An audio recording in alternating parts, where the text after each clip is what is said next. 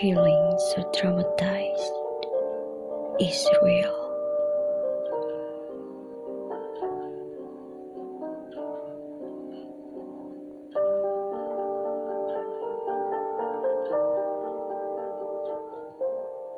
You keep trying to crack the maze.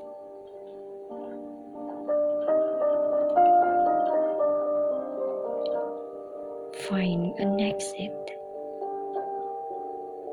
towards your goal.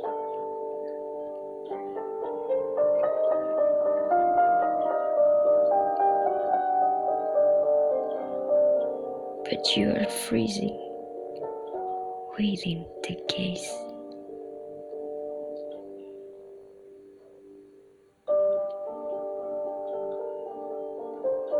Feeling so traumatized is real.